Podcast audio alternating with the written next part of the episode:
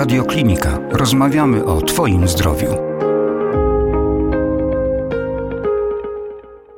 Związki gorzkie mogą być z powodzeniem wykorzystywane zarówno w profilaktyce, jak i w terapii chorób układu pokarmowego. Mają one właściwości stymulujące enzymy trawienne, zwiększające wydzielanie soku żołądkowego i żółci. Obecnie związki te wydają się być nieco zapomniane i niedoceniane. A szkoda, bo różnego rodzaju dolegliwości trawienne dotykają coraz większej grupy osób. Czym jest głód utajony?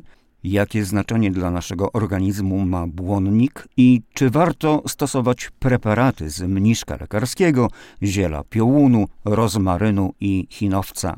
O tym wszystkim i wiele innych informacji związanych z układem pokarmowym w artykule na stronie radioklinika.pl.